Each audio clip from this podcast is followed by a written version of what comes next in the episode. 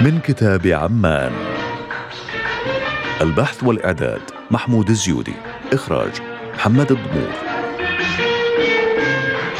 المحطة. شكل الخط الحديدي الحجازي. ثورة في مواصلات العاصمة عمان والأردن.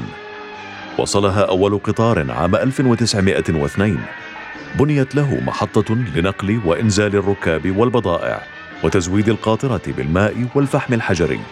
فهو يسير بقوة البخار.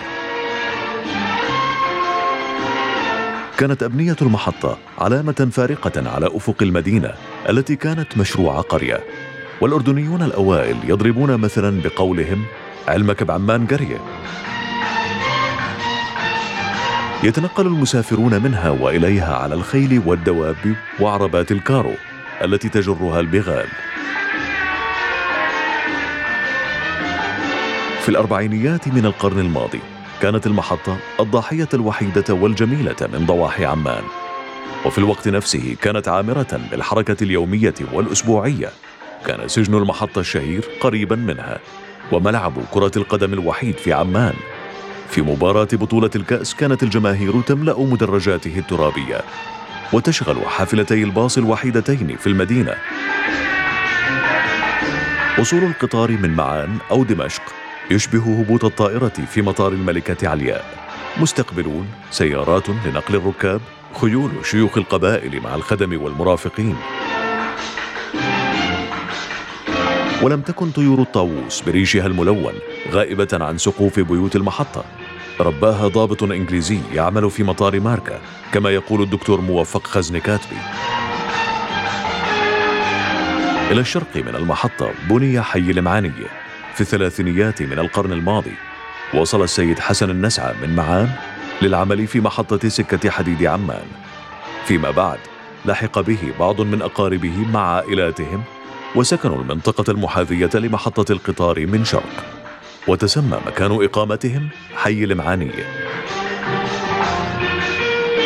بعدما بنوا بيوتهم وسكنوا اكتشفوا أن الأرض مملوكة لرجل تركي باعها لعيسى فريح وخليل التلهوني.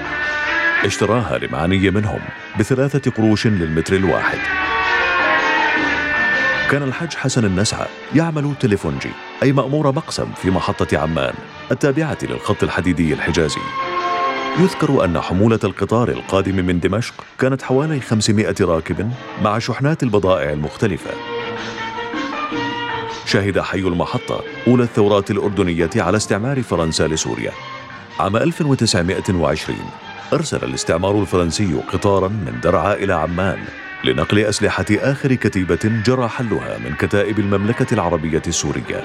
حجزه سعيد خير رئيس بلدية عمان. أخذ الأسلحة وكلف سائقه توفيق المتوالي على الحركة بين عمان ومعان لخدمة الأمير عبد الله الأول بن الحسين ومستقبليه.